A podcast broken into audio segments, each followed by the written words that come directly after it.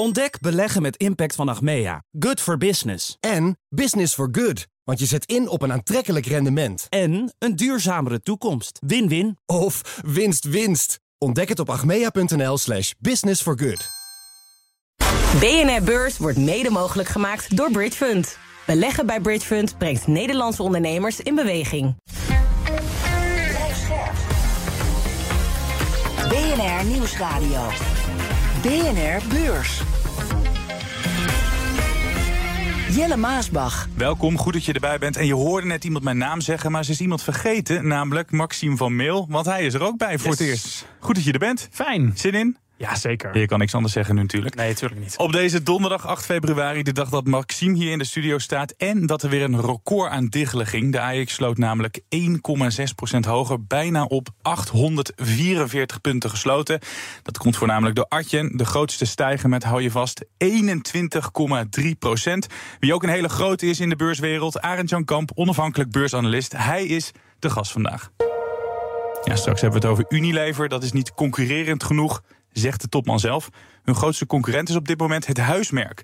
Nou, dat zo. Eerst ander nieuws. En dan uh, mag jij beginnen, Maxime. Wat zag jij? Uh, ja, ik begin dan met Shell en BP. Die hebben een investeerder minder. Zorgpensioenfonds PFZW. Die heeft bijna alle belangen in olie- en gasbedrijven van de hand gedaan. Dat meldt het FD. Mm -hmm. Het fonds heeft twee jaar lang overlegd met de oliegiganten... om hun duurzame ambities aan te scherpen. Maar er zit te weinig beweging in, dat zegt het bestuur. Ze hoopten op hun leiderschap, want hun kennis en financiële slagkracht... die zijn hard nodig, maar dat is zwaar tegengevallen al dus de voorzitter. Het Zorgpensioenfonds is niet de eerste die dit doet. Ook ABP, het grootste pensioenfonds van Nederland, en PME trokken al miljarden euro's uit de fossiele industrie. Mm -hmm. En Shell, ja, die reageert teleurgesteld, want volgens hen helpt deze actie het klimaat ook niet. Uh, Arend Jan, we hoorden Shell de afgelopen week al zeggen dat ze niet per se meer volledig op duurzame energie inzetten.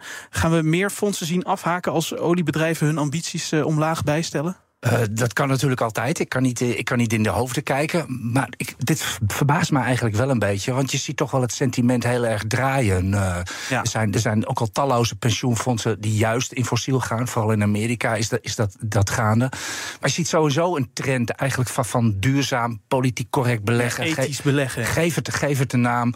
Ik bedoel, ik kom ook reclamespotjes tegen voor defensietrekkers. En uh, nou, daar staat taal die daarin wordt gebezigd. Als je dat vier jaar geleden had gedaan was je echt opgeknoopt op de socials. Dat ben ik van overtuigd. Dus er, zijn een heleboel dingen aan het veranderen in de, in de maatschappij. Dus ik, ik, ik vind het een beetje laat. En ja, Zorg en Welzijn heeft ook niet echt goede ervaringen met olie. We herinneren ze nog even fijntjes aan dat ze vier jaar geleden verloren ze 4 miljard uh, euro in die uh, beruchte olie squeeze. Toen, uh, toen uh, uh, West Texas Light Intermediate, een oliesoort, die ging naar min 40 dollar. Ja, min 40 dollar.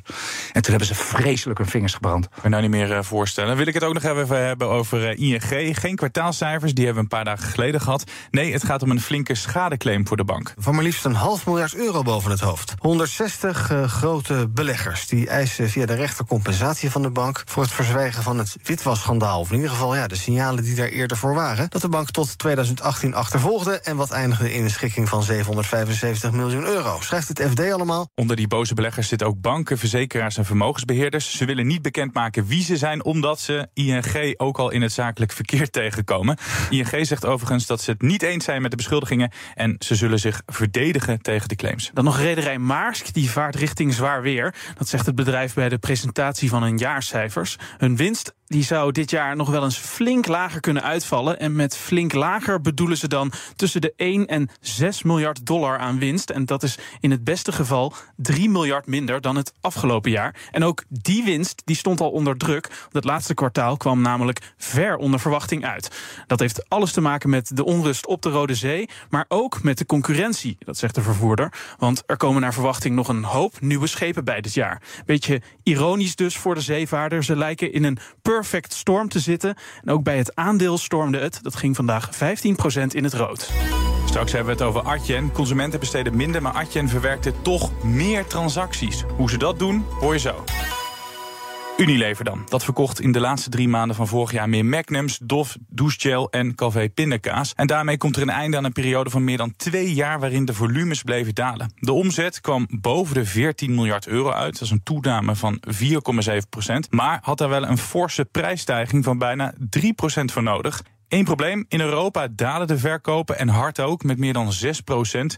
Want die prijsstijgingen van Unilever die jagen klanten naar huismerken. Ja, Europa, de enige regio, Arend-Jan, waar geen groei in zit. Is het ook gelijk het grootste pijnpunt in deze cijfers? Uh, nou, er, er zitten eigenlijk niet zoveel pijnpunten in de cijfers. Ja, die cijfers zijn niet goed, maar dat wisten beleggers, dat wist de markt, dat staat eraan te komen. Het is wat dat betreft al jaren kwakkelen bij, uh, bij Unilever, die, die vooral die omzet maar niet, maar niet omhoog krijgen. Dus in, in die zin, ja, weet je, er is altijd wel een regio die, die het niet goed doet bij, mm -hmm. bij dit soort, uh, of, of een segment. Dat is, dat is vrij standaard. Maar er zaten ook wel positieve elementen in die, in die, in die cijfers. De, de kaststroom was wat beter dan verwacht. Ze gaan ook voor, leuk voor beleggers, ze gaan wat aandelen inkopen. Niet zo heel erg veel. Maar wat denk ik vooral, en waarom die, die cijfers goed zijn ontvangen, is denk ik vooral dat, dat de beurs wat vertrouwen krijgt in die nieuwe CEO, die eigenlijk beetje werd gezien als tussenpaus toen hij een jaar geleden werd aangesteld. Ja. Heinz Schumacher. Iedereen had verwacht van, nou, er, komt zo'n uh, Wall Street uh, hotshot, uh, wordt voor veel geld ingehuurd. Er kwam iemand van Friesland Campina. Ja, precies. Ja. Niemand kende hem en die doet het nu. En die is eigenlijk best wel heel voortvarend bezig. Hij heeft paar maanden geleden een nieuwe strategie heeft hij bekendgemaakt. En eigenlijk lijkt hij op een beetje op die van 20 jaar geleden. Toen had je de 400 leidende merken bij, bij Unilever. En hij gaat ook weer terug naar de basis, naar een aantal, ja, gewoon de, de sterke merken van Unilever. Daar wil hij op focussen, die moeten groeien. En van, van de kleinere dingen uh, wil hij af. En ik vond wat dat betreft vond ik een heel opvallende naam in het persbericht, de Dollar Shave Club. Daar willen ze van af. Die hebben ze een uh, jaar of zes, zeven geleden. Heeft Paul Polman, een van de vorige CEO's. Jij herinnert je nog, ja. met veel bombardie werd Dollar Shave Club gekocht. Het was toen helemaal hip in Een behoorlijk bedrag ook nog, ja, volgens ook De beurs had frons tussen wenkbrauwen, want er werd wel heel erg veel voor betaald.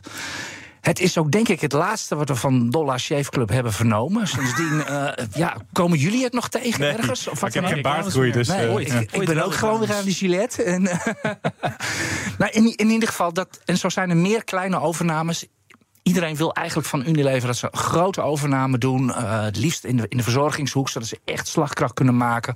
Paul Polman die deed dat niet. Die ging kleine bedrijfjes kopen. Ja. En deze meneer Schumacher die wil daar waarschijnlijk... die gaat gewoon, in ieder geval wat niet echt bijdraagt aan de winst... dat gaat gewoon weer uit. Hij gaat de dingen dus anders doen, maar je kan ook zeggen... hij moet misschien in Europa gewoon kappen met die prijsverhogingen. Want die klanten die jaag je naar huis merken. En het nadeel is misschien dat ze niet meer terugkomen. Want als jij op een gegeven moment een, een goed product hebt... wat ook prima is en een stuk goedkoper... ja, waarom zou dan weer bij Unilever aankloppen? Ik vind het ook altijd prettig om te lezen in het persbericht. Er zit altijd een praatje van de CEO in dat hij ontevreden is. En uh, meestal juichen ze over zichzelf. Dus uh, meneer Schumacher is ontevreden. Die vindt dat de concurrentiepositie van Unilever niet goed is. Ja. Je noemde het al, ze verliezen marktaandeel. Ze raken uh, markt ook kwijt aan, aan huismerken. Unilever heeft zat trucjes in huis. daar hebben ze tientallen jaren ervaring mee om dit varkentje te wassen. Ze kunnen de, de verpakking weer een beetje kleiner maken. Dat soort grappen. weet ik veel wat voor marketingcampagne eraan doen. Je kunt ook weer met prijzen gaan stunten. Uh, tijdelijk, om de klant weer naar je producten te krijgen. Ze hebben, ze daar tal van mogelijkheden voor. Jij haalt net wel inderdaad wat interessants aan. Want ik vond hem ook wel heel erg eerlijk. Dat hij dus zegt, onze concurrentiekracht is niet goed genoeg. Uh, hij zegt, we zijn erbij bezig. Jij zegt, ze hebben dus uh, wel dingen in huis. Ze kunnen inderdaad de verpakkingen wat kleiner maken. Maar wat kan de beste man nog meer doen om die concurrentiekracht weer. Uh, uh, ja, als ik, da, als ik dat wist, uh, Jelle, dan hadden ze mij wel gevraagd. Ja, het moeilijk. als CEO. moeilijk, toch? Ja, natuurlijk is het, natuurlijk is het heel moeilijk. Dat is, dat is echt geen, geen eenvoudig verhaal. De, de concurrentie is moordend. er is druk ook van investeerders en activistische investeerders actief bij, bij Unilever. Dus de druk op de man is, is enorm. Ja, en ja, hij zou eigenlijk een mooie grote overname moeten doen. Maar ja, alles is duur. Ja. En dat is, het is echt niet makkelijk. Wat hij ook nog kan doen, dat is heel heel rigoureus. En het is Unilever natuurlijk, ja, die zullen dat natuurlijk niet zelf niet zo snel willen. Dat voelt niet goed. Is dat je het concern gewoon in twee splitst. In een verzorgingsproductengedeelte, waar hogere marges zitten, en een voedingsgedeelte. Dus zeg maar Unilever A en B of zo. Of ja. Unie en Lever, ik weet ik. Maar er zijn heel veel topmannen die dat natuurlijk niet willen. Dat zij de topman nee, dat wil je die van nature niet, hè? Aan de andere kant, die overname, de vorige topman, Ellen Joop, uh, die wilde een overname doen. Dat kostte zijn kop. Dus deze topman zal ook wel voor waken dat hij geen uh, groot risico risico neemt. Ze gaan voor anderhalf miljard aan eigen aandelen opkopen. Ja, dat is niet zo heel erg veel. Dat, uh, nou, 1 procent of oh, zo. Ik denk, ik kom nu met goed nieuws. Maar. Ja, nee, nou, je moet het even tegen de beurs. Uit mijn hoofd is Unilever, ik heb niet gekeken, Unilever iets van 125 miljard waard ongeveer. Dus dat is een procentje. Het is natuurlijk wel leuk meegenomen. Dat, het komt je wel naar, naar je toe als, als aandeelhouder. Maar ja, weet je, eigenlijk is Unilever uh, is een no-brainer, vind ik. Dat is gewoon een, een, aandeel, dat heb je in je portefeuille zitten. Dat is, buy, dat is typisch een buy-and-hold aandeel, wat je, wat je nooit verkoopt. Het ene jaar is natuurlijk beter dan de andere. Er zijn mindere periodes, maar ze verdienen gewoon altijd minimaal 8% per jaar voor je. En in, in, goede jaren veel meer. En gemiddeld zelfs in het hele AX-leven heeft Unilever gewoon 14% per jaar voor jou opgeleverd. Dus wat dat betreft is het gewoon een hele mooie, mooie belegging, maar niet voor koerspektakel. Adyen die heeft de smaak weer te pakken. De betaalservice boekte het afgelopen half jaar 23% meer omzet dan een jaar eerder. Kwam nu neer op een kleine 900 miljoen euro. Daarbij steeg ook het aantal transacties. En dat was opvallend, want veel bedrijven die zagen de laatste maanden juist minder consumenten langskomen. Ja, met de cijfers maakt Adyen een belofte waar. Eentje die ze maakten op die aandeelhoudersvergadering in november. Toen was het nog crisis, we weten het allemaal nog wel. Hè. Na een omzet- en winstdaling sprong een groot deel van de aandeelhouders van het schip. Nou, nu lijkt het tijd dus gekeerd, want het aandeel steeg. Je hoorde het eerder al deze aflevering, ruim 21 procent. Even naar die cijfers, uh, Arend Jan. Er werd voor bijna 550 miljard euro aan transacties verwerkt. 29 procent meer dan een jaar eerder. Terwijl de consumentenmarkt lijkt af te koelen. Dan doet Adyen toch wel iets heel bijzonders dat ze dit voor elkaar weten te boksen. Uh, ik heb er zelf natuurlijk geen ene moer verstand van, om het maar even heel plat te zeggen. Maar uit alle kanten van de markt en mensen die er wel van hebben, hoor je dat Adyen een superieur product heeft. En uh, hebben echt het beste product in de markt. Ze hebben bijvoorbeeld ook uh, de minste transacties die fout gaan. Je hebt natuurlijk he, met altijd online betalen, uh, merk ja. het zelf ook wel eens, gaat mis. Word je er knap geïrriteerd van. Nou, bij Adyen gaan er dus de minste transacties mis. Dat is natuurlijk al een enorm pluspunt. Nou, zo zijn er blijkbaar nog veel meer dingen waarin ze, waarin ze uitblinken. Ze zijn wel heel duur. En, uh, ja, en dat kijk je natuurlijk al heel snel ook naar het aandeel. Dat is ook heel erg duur. En dat heeft alles te maken met de uitzonderlijk hoge marges die Adyen altijd behaald heeft. En daar was de focus vandaag ook op, op de marges die ze behaalden. Jij noemde al even wat cijfers. Nou, de markt kijkt vooral naar de, naar de marge en die was 47,7 procent. Waar 45 werd verwacht. Dus echt bijna 3 procent hoger dan de markt. Ja, toen wist je eigenlijk al vol beurs van, ah, dit gaat knallen. Ja. En, uh, want hier, dit is waar de markt op let. Gewoon die marges en ze herhaalden de middellange termijn outlook van toch weer double-digit groei. Ja, en dat was precies wat de markt, uh, wat de markt wilde horen. Het was wel heel frappant even, even vandaag, want toen uh, een dag voordat die cijfers uitkwamen vorig jaar, de, de beruchte tweede kwartaalcijfers, die kwamen in augustus uit. Er stond Adyen op 400, 1472 euro. Die toen kwamen die cijfers. Twee dagen later stond er 872 euro. Uh, toen gingen ze naar 620. En net onder het eten begon mijn vrouw mij uit te voeteren dat ze toen Adyen had willen kopen of 620. en waarom ik dat niet gedaan heb. Ik kan me niet herinneren dat ze dat zei. Maar, uh, Jullie zijn nog steeds bij elkaar. ja. ja, we zijn in vrede uit elkaar gegaan. Maar dit was wel even een puntje onder de maaltijd. Maar goed. In ieder geval, vandaag was de top was ook weer 1472. Dus uh, onder beursliefhebbers heet dat een gap fill.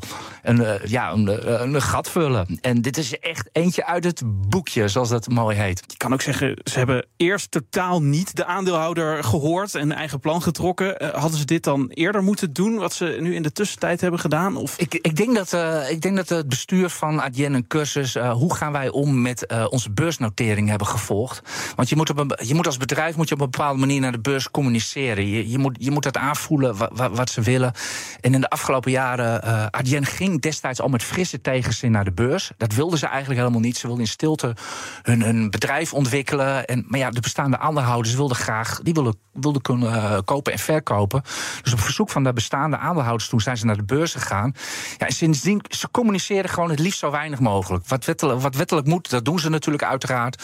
Maar ze communiceren zo weinig mogelijk. En af en toe waren ze daar ook best wel onhandig in. Op een gegeven moment zie je dat onder techbedrijven... die worden dan tijdens een cijferrondje keihard afgerekend... op bijvoorbeeld marges of op groei. Of wat, daar, zit, daar zit dan een bepaalde trend in.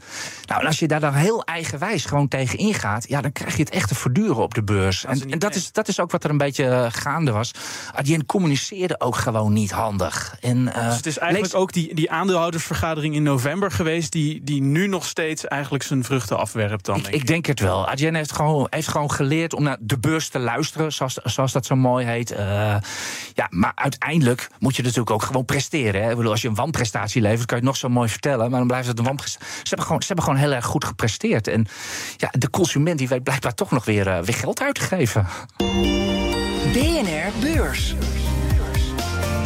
Rondje over de handelsvloer in eh, New York. Dow Jones verliest twee tiende van een procent. De S&P 500 verliest een tiende van een procent. De Nasdaq wint 0,2 procent. Maar uh, jij hebt een, uh, een winnaar, hè? Een aandeel ja, dat eruit springt. Het aandeel dat echt de aandacht trekt op Wall Street... dat is ARM, de Britse chipontwikkelaar. Staat nu meer dan 59 procent in het groen. In september pas naar de beurs, maar nu al een favorietje.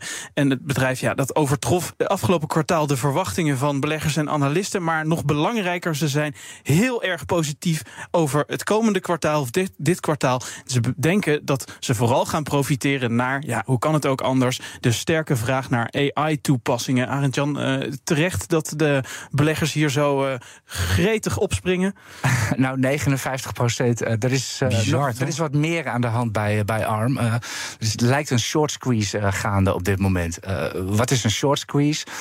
inderdaad, ARM kwam in september, meen ik, naar de beurs. En eigenlijk best wel een lauw bestaan sindsdien. Het staat er allemaal wel boven, maar het heeft eigenlijk geen aandacht meer getrokken.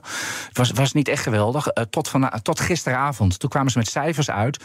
Die waren veel en veel beter dan verwacht. Het aandeel ging ook uh, 23 procent uh, naar beurs New York. Maar wat is er aan de hand? Er is maar heel weinig gedeelte van de, van de aandelen die uitstaan bij ARM. 10 procent is maar verhandelbaar via de beurs. De rest zit bij, vooral bij Softbank en, en, en nog een aantal institutionele partijen. Dus maar een heel beperkt aantal aandelen zijn beschikbaar. Ja, en de markt verwachtte niet zo heel veel van die, uh, van die, uh, van die cijfers. Want die zaten voor 11% short. Ja, ja 11% short, 10% free float. Ja, dan wordt het een beetje krap allemaal. Dus uh, de mensen die short zijn gegaan, die zitten nu met zweet op rug de aandelen terug te kopen voor veel te weinig geld. En die kunnen morgen om 9 uur zich bij de riskmanager melden, denk ik. Nog een aandeel dat opvalt, dat is Disney. Dat staat nu bijna 13% in het groen. BNR Beurs. De magie is weer terug bij Disney. Het bedrijf maakt beleggers en analisten blij met beter dan verwachte cijfers. The company's first quarter earnings per share beating estimates here. And the company sees its full year adjusted earnings per share at $4.60. That is above the 427 that analysts had been anticipating. Maar zoals altijd gaat het om die outlook. Het is vooral de winst per aandeel dit jaar die eruit springt. Die gaat namelijk met 20% groeien, zegt topman Bob Iger. Ze gaan nog even voor 3 miljard dollar aan eigen aandelen inkopen. Het dividend gaat met 50% omhoog. Ja, superhelden gaan nooit met pensioen, zo ook Bob Iger niet. Hij kwam terug en zegt dat Disney weer helemaal op de rit is. Just one year ago, we outlined an ambitious plan to return to a period of sustained growth and shareholder value creation. And our strong performance this past quarter demonstrates we have turned the corner and entered a new era. Ben je het met hem eens? Is Disney weer helemaal terug? Uh, daar lijkt het wel. Wat, wat, heb jij trouwens met Disney? Ja, is, oh, het is niet altijd, uit te leggen. Altijd als jij er bent, dan gaan we het over Disney ja, hebben. Ja, daarom. We weer, wat gaat, uh, het nou, is een bedrijf wat natuurlijk okay. al decennia meegaat. Ja, ja, ja. Mijn opa en oma kennen dit plus 13 procent. Ik wou al tegen je zeggen, van, er staan allemaal aandelen 10, 20 procent te knallen... en dan kom je met Disney aan. Maar plus 13. Ja, of het fonds uit, uit de ellende is, uh, dat moet nog maar blijken. Er kan weer van alles gebeuren. Maar in ieder geval worden er wel drie, vier rampzalige jaren... voor Disney afgesloten. Het begon met het coronajaar dat was een totale ramp voor, voor Disney. Mm. Parken dicht, uh, films die, uh, die natuurlijk niks deden. Dat was, dat was helemaal niks. En toen raakten ze vervolgens ook nog in, ja, hoe moet je het zeggen, de woke wars in, in Amerika verstrekt. Om ja, de, de, DeSantis, met de groep. Ja, de, de opvolger van. Uh, van Bob Iger, ik ga ze Bob Iger, Michael Eisner. En, Bob Chapek, ja, ook een Bob in ieder geval. Ja, die ook, die voorganger, die, ja. die, raakte, daar in, die raakte daar zeg maar in verstrikt. De, het draaide niet en uh, het aandeel ging echt ruim, werd ruim gehalveerd. Dus die man die werd er echt met kop en kont uitgegooid. En ja, Bob Iger weer teruggehaald. Want ja, zo'n concern als Disney besturen, dat, dat is bijna onmogelijk. dat is zo'n conglomeraat zo van films en, en, en inderdaad studio's en, en, en al het amusement. Ja, dit, dit, ja, een film wordt een hit of niet? Hoe moet je daar nou zo'n groot bedrijf, wat 90 miljard omzet haalt, waar 250.000 mensen werken, hoe heb je dat in je vingers? Dat nou, is, dat is ongelooflijk moeilijk. Je had het net over Unilever opsplitsen. Dit is ook zo'n bedrijf dat misschien veel te groot en veel te log is uh, geworden. Ja, misschien wel, maar ik heb nog nooit plannen over opsplitsing uh, Disney gehoord. Nee. Dat je dat, dat zeg maar in een filmgedeelte gooit of, uh, of wat dan ook. Nee. Even tussendoor, ben jij een Swiftie, Arend-Jan? Nee, helemaal niet. Ik heb allemaal niks met dat soort dingen, joh. Ik vraag dit omdat ze exclusief een Taylor Swift film op hun platform gaan uitzenden. Dat is toch wel de meest beroemde en meest geliefde popster van dit moment. Exclusief dan op hun platform te zien. Is dat een slimme tactiek? Ik zie het al aan je gezicht dat je denkt, in welk programma ben ik beland? dat gaat over Taylor Swift zeker. Had je niet verwacht van tevoren, ja, ja, nee, nee, joh. Ik ben nog van James Brown en zo. Dus uh, nee, dat, dat schiet allemaal niet op. Maar dat maakt niet uit. Als iets geld oplevert, levert iets geld op. En dan ben ja. ik er ook als de kippen bij. Uh, ik denk dat het heel slim is. De naam Taylor Swift is gewoon goud de, ja. uh, nu. En ja, laat het maar aan Bob Iger over om daar ook zijn slaatje uit te slaan. en natuurlijk, vooral ook wat een groot pluspunt is, die, die streamingdienst van Disney, die gaat ook als een lier. En ja. ze maken nog wel verlies, maar dat gaat binnen, binnen afzienbare tijd gaat dat, kan het ook wel eens een mooie, mooie poot gaan worden. Ja, precies. Dat is in de laatste drie maanden van 2022 uh, dikke miljard. Dat is nu teruggebracht tot 200 miljoen. Dus dat heeft hij in het jaar heel best wel ja, snel gedaan door de prijzen te verhogen. Nog even heel kort. Is Disney nu weer een aandeel dat voor jou interessanter is geworden? Nee, ik vind het niet. Ik, ik, ik, ik, noem het al, je bent, je bent zo afhankelijk van... ja, als hè, dat kan ook floppen hè, met die Taylor Swift. Dat is ineens niet meer populair. Dus dat ze iets verkeerds tweet en uh, gecanceld wordt. Dat kan anytime wat gebeuren. Ik vind, ik vind dit soort bedrijven vind ik zo gevoelig voor, voor dat soort dingen. Daar zit, daar zit ik liever niet in. En uh, dan heb ik liever de, de, de, de steady dividend aandelen of wat dan ook. Dat, uh, waar je echt rustig bij kan gaan zitten slapen als Unilever. Wat mij betreft ook hoor. Ik ben wel fan van Unilever. Ondanks dat ze het wat minder doen. Je kan alleen niet naar een concert, maar voor de rest... nee. Morgen kunnen we eindelijk weer wat rustiger ademhalen. De kwartaalcijfer Denk je dat? Ja, die staat dan even een dagje minder vol. Er zijn twee puntjes om de aandacht op te vestigen. Te beginnen bij SNS en ASN. Want hun moederbedrijf, de Volksbank, die komt met de jaarcijfers. Vooral interessant is daar het beleid en de kosten rond witwascontrole. Die was niet voldoende, dat oordeelde de Nederlandse bank eerder. Dus moest er meer aan gedaan worden. Dat speelde ook nog eens allemaal in de aanloop naar een wisseling van de wacht. Want de topman gaat ook zijn laatste kwartaal bij de bank in. En ook PepsiCo werpt nog een blik op de kwartaalcijfers. Het bedrijf achter Pepsi, Lay's en Doritos ging positief dat laatste kwartaal in. Ze verdienden en verkochten meer dan ze hadden verwacht. Maar het was niet allemaal blijdschap, want hun drankjes gingen in de VS juist minder over de toonbank. Dit was de BNR-beurs van donderdag 8 januari, 8 februari, oh wat gaat het toch snel, waarin we het hadden over Mickey, Maersk en Maxime. Mickey vanwege Disney, maar eigenlijk komt het allemaal dankzij het optreden van CEO Bob Iger. Die wist de boel weer op de rit te krijgen. Rederij Maersk kreeg de boel nog niet op de rit, dat vaart door een zware storm. En ik kreeg deze aflevering op de rit dankzij Maxime. Hoe is het met de zenuwen weer helemaal? Ja, helemaal kalm. Vond je het leuk? Ja, zeker. Mooi. Dank en ook dank aan Arend Jan Kamp, onafhankelijk beursanalist en geen fan van Taylor Swift. Hopelijk wel van BNR Beurs, dat we je binnenkort weer terugzien. Uh, graag gedaan. Uh, Jelle, kom je graag. Mooi. Jij bedankt voor het luisteren en tot morgen. Dan hebben we weer een hele speciale aflevering voor je. Tot dan. BNR Beurs wordt mede mogelijk gemaakt door Bridge Fund. Beleggen bij Bridge Fund brengt Nederlandse ondernemers in beweging.